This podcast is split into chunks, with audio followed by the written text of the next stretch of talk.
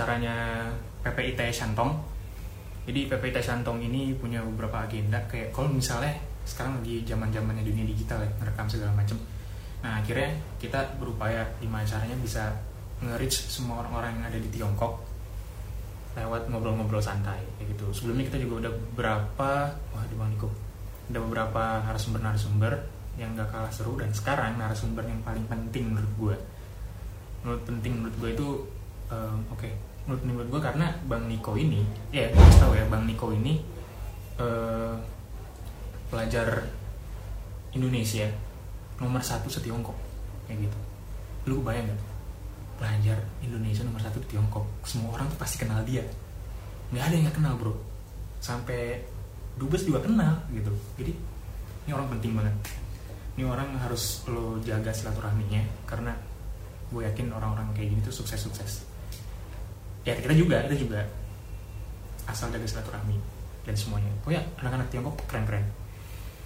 Uh, doi gue bacain CV-nya ya. Uh, Bang Niko itu nama aslinya Nikolai Ali Akbar Velayati. Jadi dia lahir bulan 29 Juli 1996 uh, di di China itu dia di Chongqing Medical University Old Campus Campus Beiyuan Dormitory E Building 404 kalau di Indonesia dia di perumahan Kopian Barat Kelurahan Kopian Kecamatan Ketapang Probolinggo Jawa Timur. Nah edukasi yang sekarang itu Chongqing Medical University dokter bro. Dokter. Keren banget. Achievementnya yang terbaru ada Chongqing Medical Government Mayor Scholarship Award di terus yang terbaru juga ada Organizational Experience President of Indonesia Student Association in People Republic of China. Sekarang. Terus ada OISA atau PPI Dunia dia juga head COVID 2000 COVID-19 dia dia kepalanya. Konferensinya yang pertama eh yang paling baru itu ada Delegate of Fifth Conference of Indonesian Diaspora 2019 di Jakarta. Kemudian public speaking yang terbarunya itu di sini ada Speaker of Ambassador and Young Leader Week of Overseas Indonesian Student Association Alliance atau PPI Dunia. Banyak banget. Ini kalau lihat nih CV-nya gila banyak banget cuy. Nih banyak banget kan? Keren banget nih Bang Niko. Nanti gue juga mau live bareng sama dia. Langsung aja kali ya. Halo semuanya halo semuanya. Langsung aja itu CV-nya Bang Niko. Gue mau ngobrol-ngobrol oh ya hal yang mau gue sampaikan tadi ada tiga lagi ya gue sampaikan buat teman-teman ada prospek kelulusannya sesuai sama tema. Yang kedua kondisi pelajar di Tiongkok di tahun 2020 karena 2020 kita tahu udah mau selesai. Terus ada waktu kembali belajar normal karena oh ya tes tes tes tes. Waktu kembali belajar normal di Tiongkok bagi pelajar Indonesia karena banyak pertanyaan dari gua dari teman-teman yang lain kapan kita bisa kembali. Oke langsung aja kita undang Bang Niko. Ya. yo Halo, halo. halo. Tes. Halo Bang Oh, iya. Suara gue kedengeran jelas ya di sana ya? beneran beneran Bang beneran Oke, sip, sip. Aman-aman. Suara Gimana? Apa kabar, Demar? wah baik Bang baik baik abang gimana Lama. Baik, baik. Alhamdulillah sehat. Lama gak ketemu lo kita ini. lama gak ketemu abang inget gak terakhir kita ketemu kapan 2018, 2000 19. Di Depok 19 kan? di Depok di Depok 19 ya? 2019 itu Oh iya, 19 tahun lalu. Benar-benar. Juli, Juli, Agustus tahun lalu itu kan kita Ah, terakhir. mantap keren keren keren Ingat gua. Lama lo, terus habis itu udah gak itu lagi. Ya, gak ketemu lagi. Kudunya Iya. bisa ketemu ntar di kongres atau di mana gitu kan. Cuma kan nggak bisa balik lagi kita ke sana. Jadi tahu. ah menarik nih bang menarik jadi em, gimana ya rasanya deg-degan eh asli ini ngobrol langsung kan sama Al- pelajar nomor satu di Indonesia di Tiongkok. Iya iya iya. Bisa aja dia. Abang abang gue liat-liat mirip ini bang. Ashraf Sinclair ya? Lu udah orang ke 97 yang ngomong kayak gitu. Banyak. Banyak yang bilang mirip katanya kayak itu suaminya BCL Alhamdulillah nggak ya. apa nggak apa alhamdulillah lah. Aku baca doa kan berarti bini gua kayak BCL ntar. Iya amin amin amin. Cakep itu. Amin tapi bini gue kayak siapa bang kira-kira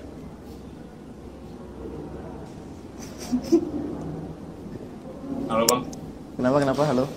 Terus bini gue kayak siapa dong? Bini gue kayak siapa bini gue? Bini lu ya kayak bini lu nggak tahu lu lu seleranya yang, yang kayak gimana? Mau kayak Isyana, Selera. BCL apa yang mana?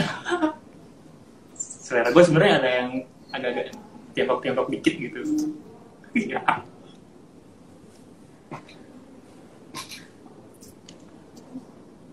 Terus putus nih jangan-jangan ada konspirasi nih.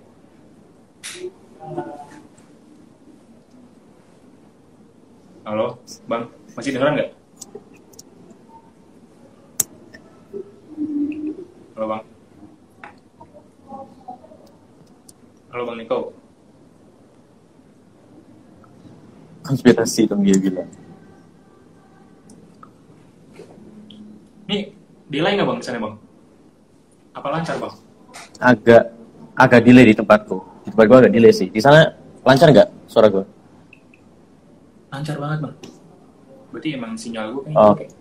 Ampun, ampun. Lu di mana sih? Ampun. Lu di mana sih? Kamar di rumah gue di Depok, di Depok. Oh, sinyal Depok sejelek itu. Iya, kan sekarang aja tanggal 22, berarti kan berarti kan gue ini belum bayar. Belum bayar wifi. Oh, oh, oh, bisa jadi, bisa jadi. Apa gue yang jelek ya sinyalnya? ya? Ya udah deh, anggap aja gue deh. Maklum bang, kan beasiswa nggak turun. Ya, iya, iya.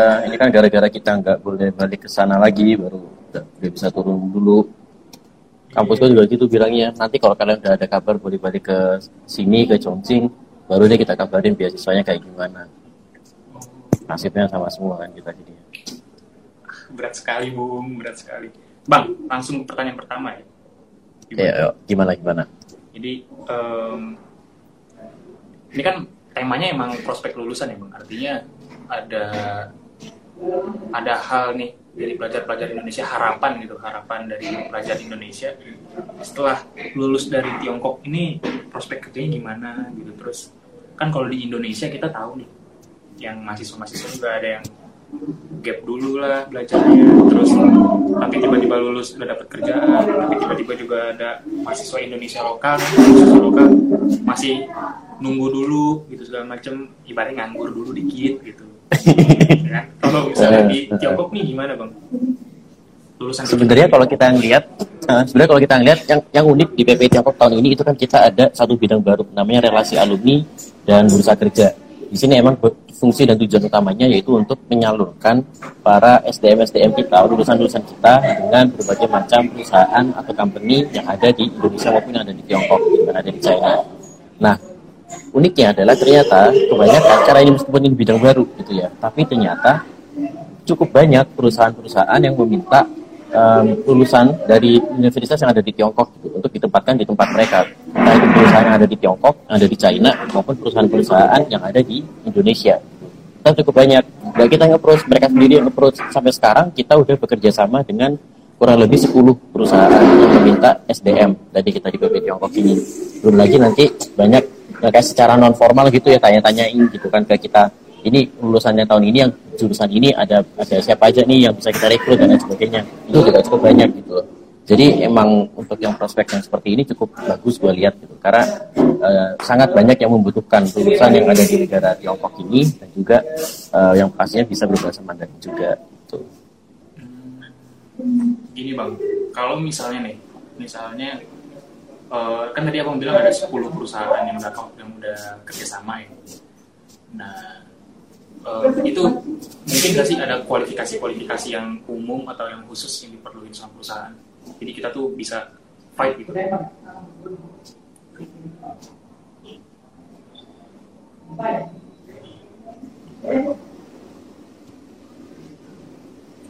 Kebanyakan dari mereka itu yang butuh yang dibutuhkan gitu ya. Pastinya satu bisa berbahasa Mandarin. It- itu entah bahasa Mandarin yang formal yang ber-HSK yang SK4, SK5 dan seterusnya. Halo? Atau kalau nggak atau yang penting mereka pasti bisa bahasa Mandarin. Bahasa Mandarin formal atau bahasa Mandarin yang komunikatif. Kemudian yang kedua um, pastinya yang butuh uh, orang yang punya teamwork atau manajemen skill yang cukup baik itu mereka pasti butuh di situ. Sisanya nanti disebutkan atau disesuaikan sama kebutuhan dari company-nya sendiri gitu kan. Mereka butuh yang jurusan bahasa atau mereka yang jurusan bisnis atau jurusan yang lain gitu. Hmm, berarti kalau disimpulin dari 10 perusahaan itu di, di perusahaan yang kita kerjasama ini di KPI itu yang nilai pertama bahasa formal atau uh, yang komunikatif sama uh, manajemennya ya berarti. Hmm, hmm. itu yang paling penting. Yang dibutuhkan karena betul karena mereka ngiklannya juga itu kan mereka ngiklan di PPI Tiongkok kan buat nyari orang buat mereka rekrut kan. Pastinya mereka butuh orang yang bisa berbahasa Mandarin yang jago bahasa Mandarin. Paling nggak bisa lah bisa ngobrol lah ngobrol santai kayak kita sekarang ini dalam bahasa Mandarin. Itu um, perusahaannya ada di Indonesia atau di Tiongkok yang di Tiongkok ada yang di Indo juga ada yang uh, minta kita buat apa rekrut anak-anak kita anak-anak PPI Tiongkok tapi kebanyakan sih perusahaan yang ada di Indonesia atau perusahaan Tiongkok perusahaan China yang punya branch atau cabang di Indonesia gitu. Kira-kira perbandingannya banyak berapa bang?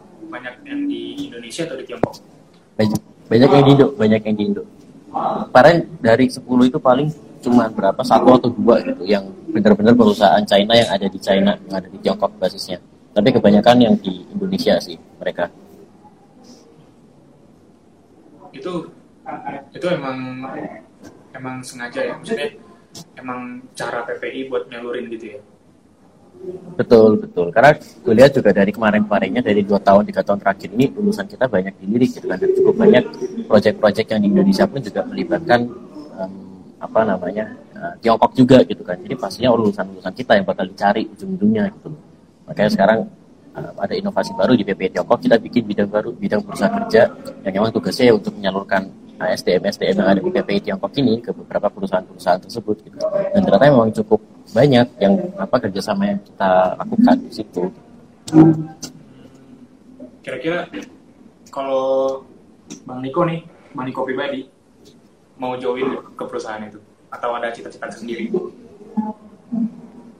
kalau gue untuk nambah-nambah pengalaman itu oke okay.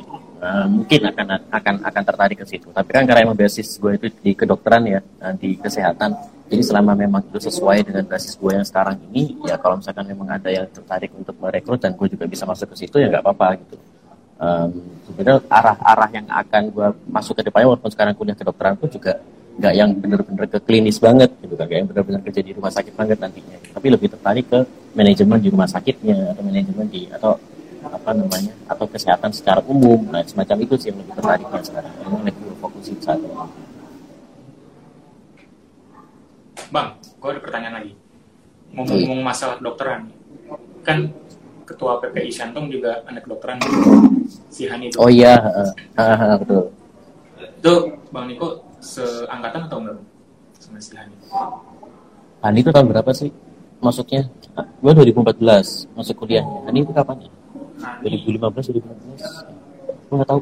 Hani pasti BC berapa ya? Gue lupa nih. Lupa. Ada orangnya nggak di sini? Tanya aja. Hani mana nih? Dia join gak sih? Tadi ah, kan gue join, ada join, dia join. join tapi diem-diem aja bocahnya. Malu kali bang dia, bang Niko mantap. Malu. Kan mantep bang. Lu kan orang nomor satu bang di Tiongkok. ampun. Hani mah di Santong doang. Ampun, dia kan dia kan ratu santung gitu.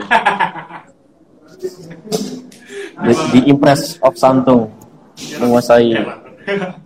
Menguasai. Mas Niko tuh ambil kedokteran cuma biar lama di PPI. Emang lu betah di PPI bang? Nggak nggak gitu juga konsepnya. Ini malah dari tadi mancing-mancing ya terus ya. Parah, parah. Enggak, enggak. Kan emang kebetulan aja kuliah kedokteran emang dari SMA pengennya kedokteran gitu. Hmm, Um, karena kedokteran di Indo juga nggak keterima waktu itu kan, jadi udah deh kabur kan ke Tiongkok, eh keterima di Tiongkok gitu. Dan di Tiongkok organisasi yang cukup aktif anak Indonya PPI, PPI Tiongkok gitu kan. Jadi ya udah gue joinnya ke PPI Tiongkok sampai sekarang. Pertama join pun juga ya cuma coba-coba doang gitu kan. Terus dijorokin gitu istilahnya gak nyangka juga gitu. Eh nyaman sampai sekarang deh lanjut sampai sekarang ada di posisi ini juga karena gue ngerasa juga masih banyak yang bisa gue kembangin dengan PPI keren banget bohong pengen nyebur di politik sebenarnya ngomong-ngomong masalah prospek nih bang lu kan juga kedokteran tadi ada yang bilang nyebur politik lu ngomong gimana nih jujur aja. Aduh, ya kalau ada jalan, ada modal buat ke sana, gue pasti ambil. Tapi untuk sekarang ya masih, itu kan masih kayak jangka panjang ya, gue masih belum tahu kira-kira prospeknya gimana nanti. Tapi ya diupayakan aja yang paling bagus sekarang kayak gimana, optimalnya kayak gimana. Tapi emang kalau dari basis keluarga, ya emang ke politik, keluarga gitu kan. Entah secara akademis maupun praktisinya emang ya anak tipikal organisatoris banget gitu. jadi ya kalau misalkan nanti ada kesempatan ke sana pasti aku masuk gitu. cuman lewat apa itu yang masih belum kebaca sekarang masih belum tahu nih lewat apanya ini ada yang ngedistract gue nih bang nih sama komentarnya nih ke distract abaikan komentar-komentar random ya? di ya? ini ya. Oke, ini oke, oke. anak-anak cukup liar malam ini. Parah parah parah. Ini emang soalnya ada dua ada dua kemungkinan. Nih bang Niko yang mantep apa emang banyak yang ngincer bang Niko nih gitu. Ya ampun ampun. Ya fans-fans garis Ya. keras gue itu banyak. Kan contohnya malah ini komen dari tadi ya fans garis keras gue cuma malu-malu aja dia mengakuin waduh kacau kacau kacau. Kita blok aja bang dia aduh bercanda bercanda bercanda. Nih bang ya? Men- menarik sih bang. Menurut maksud gue ya jadi kalau emang misalnya dari lo pribadi kalau emang ada jalan ke politik artinya lu jalanin terus ya kan? Dan ada kesempatannya. Pun kalau yang misalnya lu di dunia kesehatan lu maksudnya manajemen gitu kan?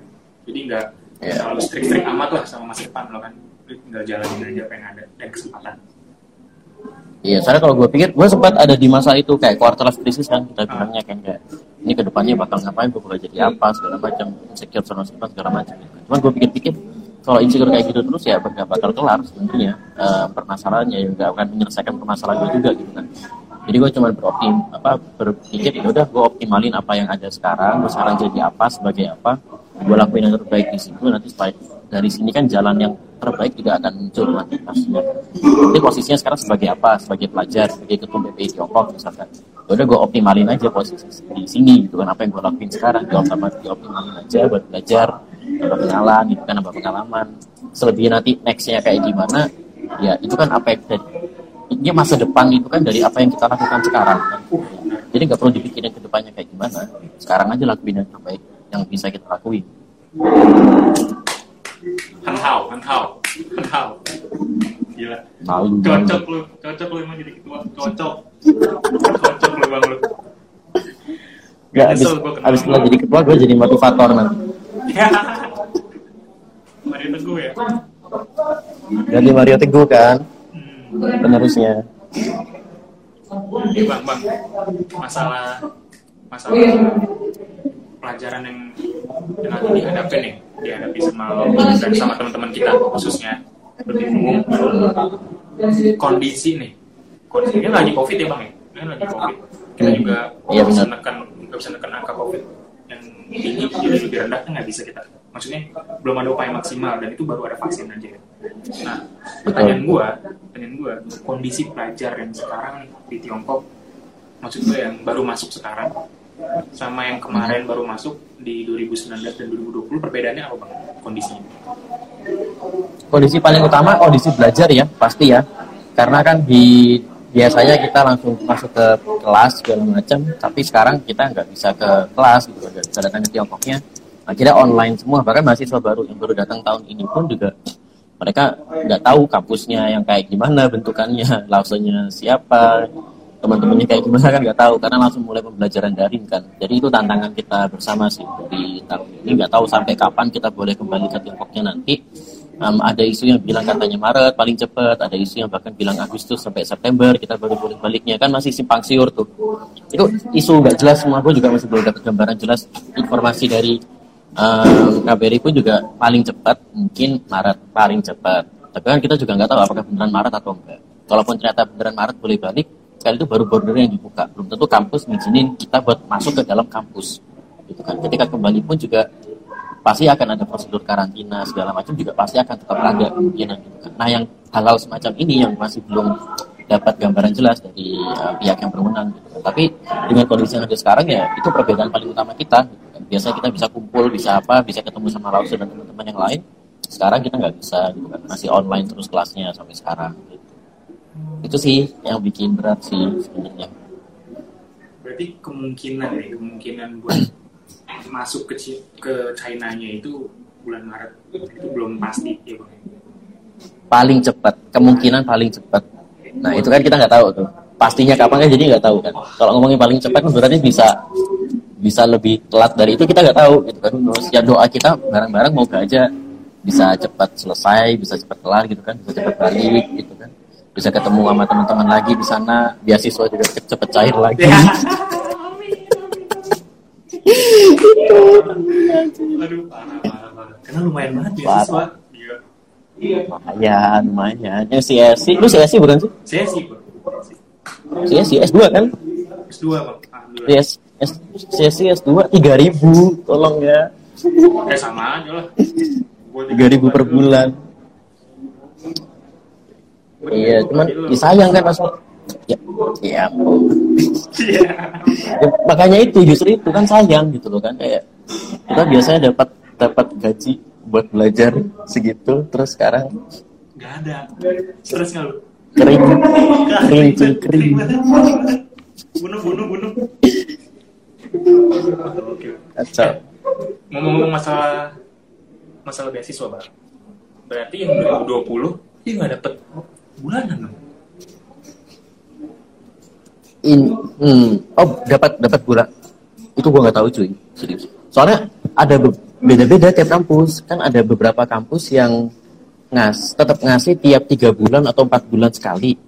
Kalau nggak salah kan yang selama 2020 ini terus ada kampus yang ngas nggak ngasih sampai dari terakhir kali ngasih bulan Maret apa bulan April gitu terus sampai sekarang nggak ngasih lagi jadi kayak beda-beda kebijakannya tiap kampus itu juga nggak eh, nggak terlalu jelas dengan kebijakan masing-masing kampus itu cuma kalau gua terakhir turun beasiswa itu bulan April apa Mei gitu terakhir turun Gila. Gue masih mending gue. Gue Agustus. Eh Agustus. September. dekat masih enak lah itu beasiswa bul- berapa bulan dua bulan tiga bulan Sebulan. oh tiap bulan masih dikirim berarti ya terakhir September keluar September. enak enak masih. Tapi tetap aja stres. iya cuy iya cuy nyari, nyari proyekan aja tuh sekarang nyari proyekan aja bang. ayo mau proyekan apa kita gue aman bang. Kalau abang mau ada masalah survei laut, mau tentang laut, hubungin gue aja bang. Oh iya, siap oke mantap mantap nanti kita lah ya barangkali An- atau itu mau mau lobster Bisa, bisa. Ada, ada linknya. Dan ntar proyekannya. serius serius Aduh, yaudah, nanti kita ngomong di belakang ya Eh, eh, eh. Ini, ini omongan belakang. Kita ngobrol belakang ya nanti ya.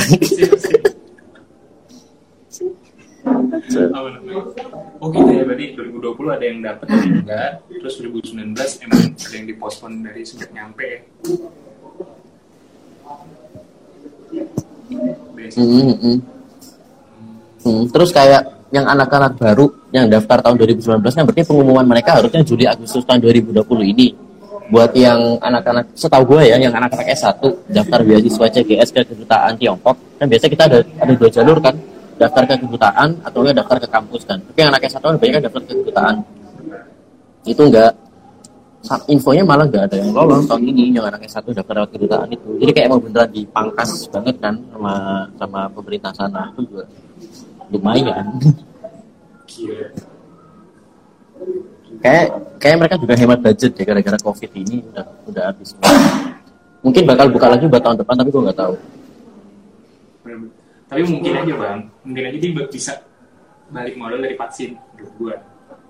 Ini nah mah- nah. Ini mah mohon maaf aja ini mah so tahu, so tahu. Mungkin. nggak tahu sih ya bisa jadi mungkin. Cuman kan pastinya kita nggak tahu tuh gitu. Yang yang vaksin datang ke Indo kemarin kan pun juga masih akan apa masih ya masih baru berapa juta gitu kan. Hitungannya kayak trial gitu kan masuk ke kita ini kan. Tinggal nunggu nunggu Nah, ngomong-ngomong masalah vaksin, lu mau nggak disuntik duluan? yang di sana pun juga kayaknya baru 2021 divaksin deh. Yang untuk masyarakatnya loh ya, yang di yang divaksin baru militer deh setahu gue. Lu mau nggak jadi bahan uji coba vaksin duluan? Lu kan pelajar Indonesia nomor Ya satu. demi kebaikan bersama. Gak apa-apa sih kalau gue sebenarnya kalau misalkan mau beneran kudu divaksin dulu gitu kan. Asalkan jelas misalkan nanti ada side effect atau apa penanganannya seperti apa apakah gue nangani sendiri ataukah ada tanggung jawab dari pihak yang berwenang untuk itu tapi selama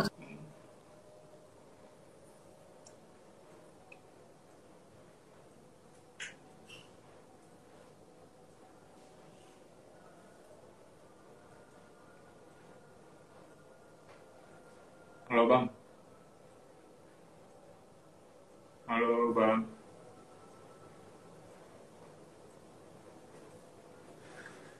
Gue pakai filter.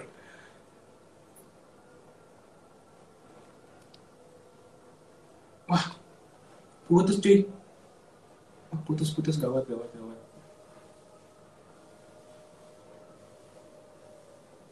Gawat. Ngomongin vaksin putus. Wah, gokil. Sorry Bang Niko, sorry Bang Jago. Sorry Bang Jago. Emang Bang Jago. Kenapa nih Bang Niko? Coba telepon dulu Bang. Eh, gua cek. Bang, putus ya?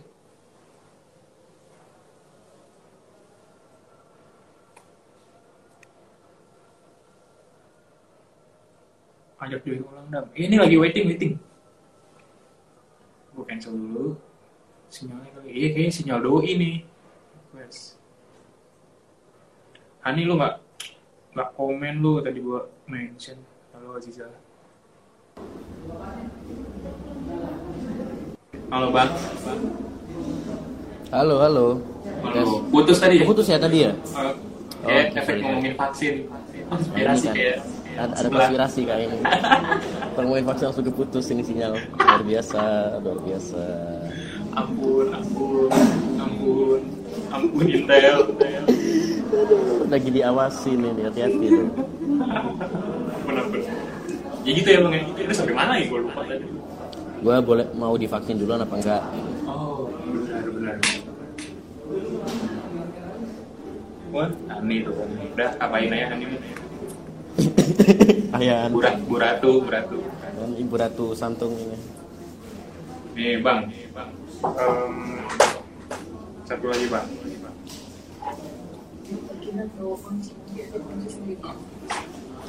Ada tadi nih, ada nyokap gua. Ini bang, em, masalah kembalinya kita nih. Tadi kan kita Hmm. misalnya udah dapat vaksin ya kan, vaksin udah turun. Misalnya eh, case terbaiknya itu kita udah divaksin semua mahasiswanya. Nah kita ini kapan kira-kira bisa balik ke Tiongkok?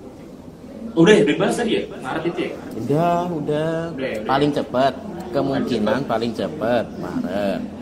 Kemungkinan yang lain ada yang bilang Agustus atau September. Jadi gue nggak tahu mana bener gitu kan. Kalau misalkan beneran Maret bisa balik ya alhamdulillah gitu kan. Dengan sangat senang hati kita. Dan kita pun juga dari PPIT bisa ikut apa namanya bantu teman-teman lah buat balik ke sana nanti. Kira-kira gimana udah kita siapin juga kira-kira skemanya gitu loh tapi kalau misalkan ternyata Maret pun juga nggak bisa nih amit-amit amit-amit nih Agustus atau September itu PR Bang. Please, please, bang. please, please lah, please lah bang. Ayolah bang, lobby, lobby bang. Iya, iya. Nanti, nanti, nanti di lobby ke itu ya, ke si Cincin ya. Presiden Tiongkok Pak, ayolah Pak, ayolah Pak kita Pak. Ayolah pak, ayolah pak. Xi Jinping Jokowi teman. Xi Jinping Jokowi teman. Iya benar-benar. Kalau gini mereka nunggu, kalau mereka pasti akan nunggu kondisi di Indo udah terkendali atau belum. Kalau kondisi di Indo aja udah terkendali, kemungkinan kita balik kan lebih cepat gitu aja. Cuma kan sampai sekarang pun juga ya malah nambah klaster-klaster baru kan yang ada kan kayak kejadian kemarin itu kayak kayak PR-nya di kita gitu udah mulai terkendali enak-enak eh ada ini lagi rame-rame naik lagi gitu terus dari kemarin Bang, kira-kira nih, kalau misalnya opini lu pribadi, opini pribadi, Hmm. lebih aman mana di China atau di Indonesia? kalau ngeliat kondisi yang sekarang ya sebenarnya ngeliat kondisi covidnya itu lebih terkendali di sana secara covid ya kita ngomong secara kondisi covid lebih terkendali di sana di Tiongkok di China karena emang di sana kan seperti yang udah kita tahu kan kayak pesawat lawan merebak di sana pun juga disuruh lockdown lockdown semua. Transportasi tutup ini tutup tempat umum tutup tutup semua gitu. Orang-orang nggak boleh keluar nggak keluar semua memang gitu kan. Dan masyarakatnya tertib pemerintah juga tegas dan juga dikasih bantuan gitu kan. Gue ada teman gue cerita dia tinggal di flat selama selama ditutup kemarin itu akses ke mana-mana dapat bantuan makanan atau apa gitu dari pemerintahnya. Ditawarin oh tinggal di sini udah dapat makanan gak udah dapat ini enggak jadi kayak emang sama-sama saling backup sama-sama saling kuat. Makanya eh, kondisinya cepat kelar kalau di sana gitu kan. Dan sekarang udah balik ke tuanya hampir balik ke normal gitu kan di sana gitu. Eh, aktivitas sudah mulai ada lagi kampus sudah mulai buka mahasiswa juga udah mulai masuk ke kampus sudah mulai ke kelas lagi gitu kan. Transportasi umum juga udah mulai buka. Jadi secara itu lebih terkendali kondisinya di sana sih. Cuman mungkin gak enaknya kalau di sana kan kita ngerasa ada di negeri orang apalagi kayak Iya, ngerasa benar. oh ini sumber dalam tanda kutip sumbernya covid nih di sana gitu kan jadi kayak masih nggak tenang aja artinya lebih tenang mungkin di Indonesia karena dekat sama keluarga tapi kalau secara penanganan dan lain sebagainya ya kita masih banyak PR gitu kan utamanya di kedisiplinan orang-orang kita juga Bang, nyesel nggak lu balik ke Indo? Ayo, nyesel nggak lu? Jujur lu gua. jujur ya jujur ya kalau kalau gua tahu beasiswa gua nggak cair cairan sekarang gua nggak balik balik ke Indo di kemarin. Di sana ya mulu kan. Mending stay aja di sana kan. Terus kita nggak ke mana-mana cuma di dorm doang. Gue juga biasa cuma di dorm doang. Yang penting ada internet ada listrik. Beasiswa cair aman gitu kan. Orang rumah butuh duit tinggal kita kirim dari sana. Beasiswa cair ini duit banyak. Terus sekarang? Nyesel. jadi beban keluarga teman udah ya udah ya enggak positifnya kan bisa ketemu sama orang rumah lagi gitu kan bisa udah lama nggak ketemu bisa ya setahunan lebih lah kumpul sama orang-orang rumah gitu kan bonding bonding awal lagi gitu. Silaturahmi lagi. bisa silaturahmi lagi kenalan teman-teman yang di sini meskipun nggak banyak tapi kan ya lumayan lah gitu kan buat ya, pejabat-pejabat. ya itu salah satu plus ya semua plus minus lah semua plus minus lah. Kalau secara jaringan atau apa ya bersyukurlah di Indo gitu kan bisa kenalan sama banyak orang. Lebih banyak bisa kenalan sama lebih banyak orang lagi di sini. Tapi secara finansial saya tetap menyayangkan kondisi saya yang sekarang mohon maaf. Setuju banget, setuju banget. Finansial tuh kering. masih sakit gue Parah-parah.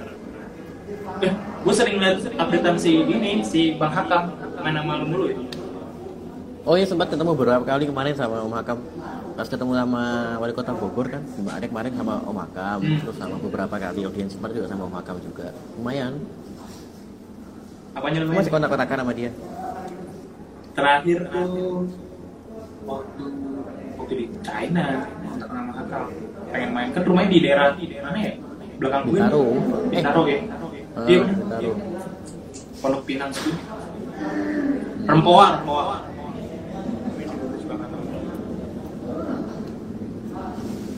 Lu banget tau. Ya, nanti lah kita bikin kapan kayak alumni reuni alumni GIC Depok Reuni. Boleh, boleh, boleh. Tapi kan lu jalan kan, Probolinggo lu Jawa Timur kan. Apa di Jakarta lu? Enggak, lagi di Jakarta sekarang di Bekasi gua tinggal sekarang tapi nanti paling akhir Desember atau awal Januari juga udah balik lagi ke Probolinggo sih gampang nanti kita atur lagi waktu Siap, siap, siap. Sambil ngomongin proyek. jadi Oke, ada ya salah mah ada.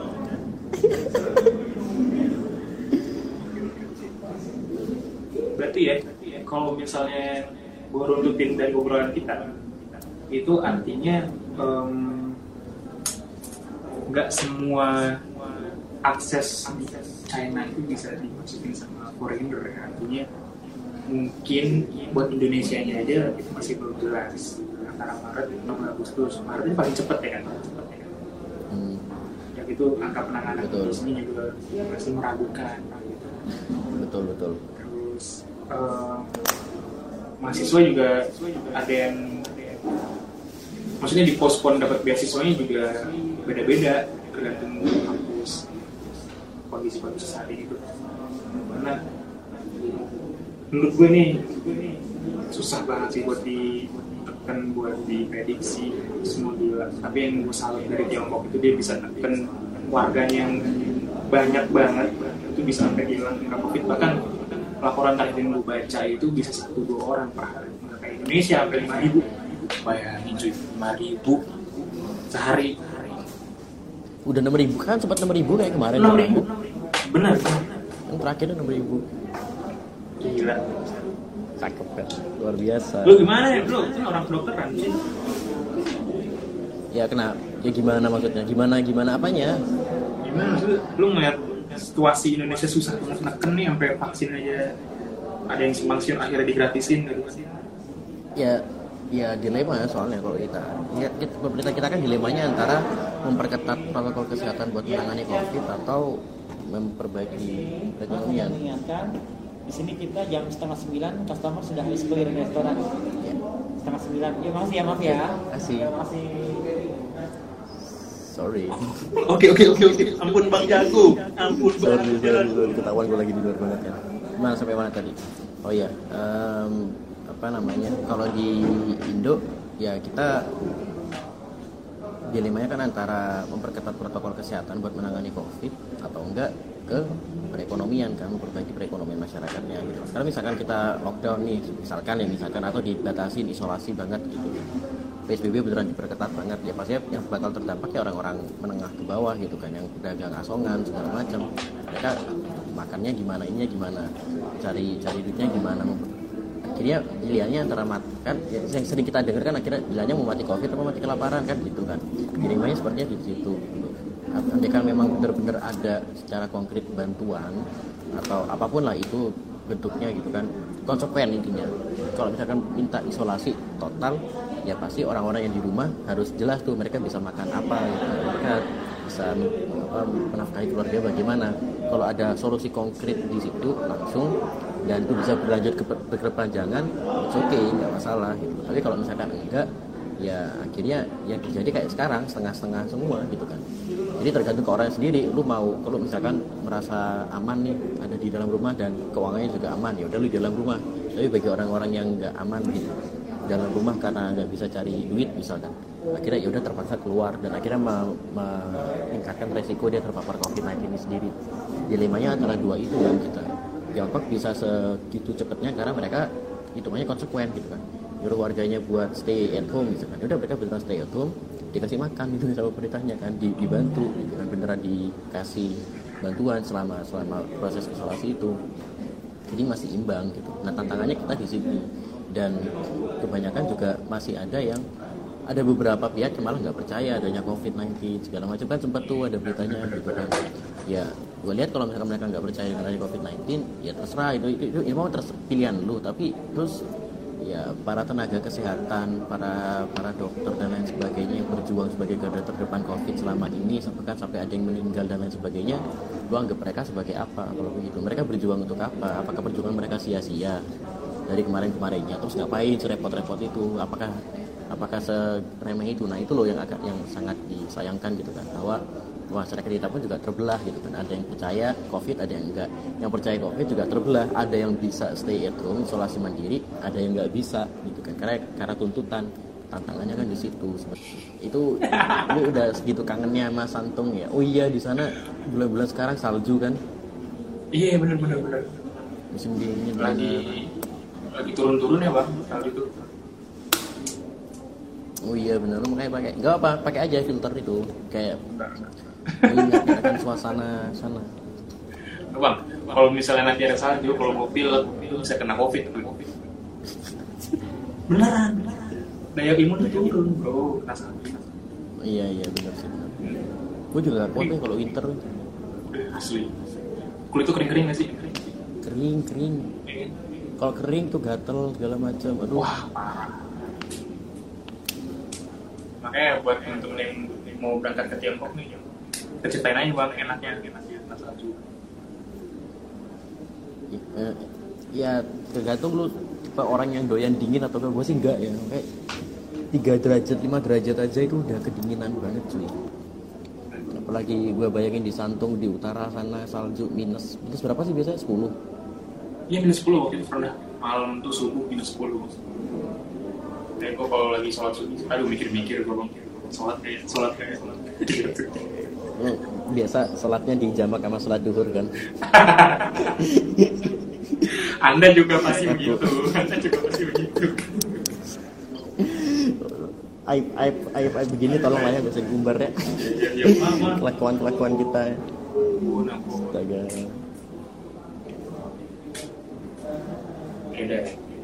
Em, Ini gue simpulin nih bang, ini udah masuk kesimpulan nih ya.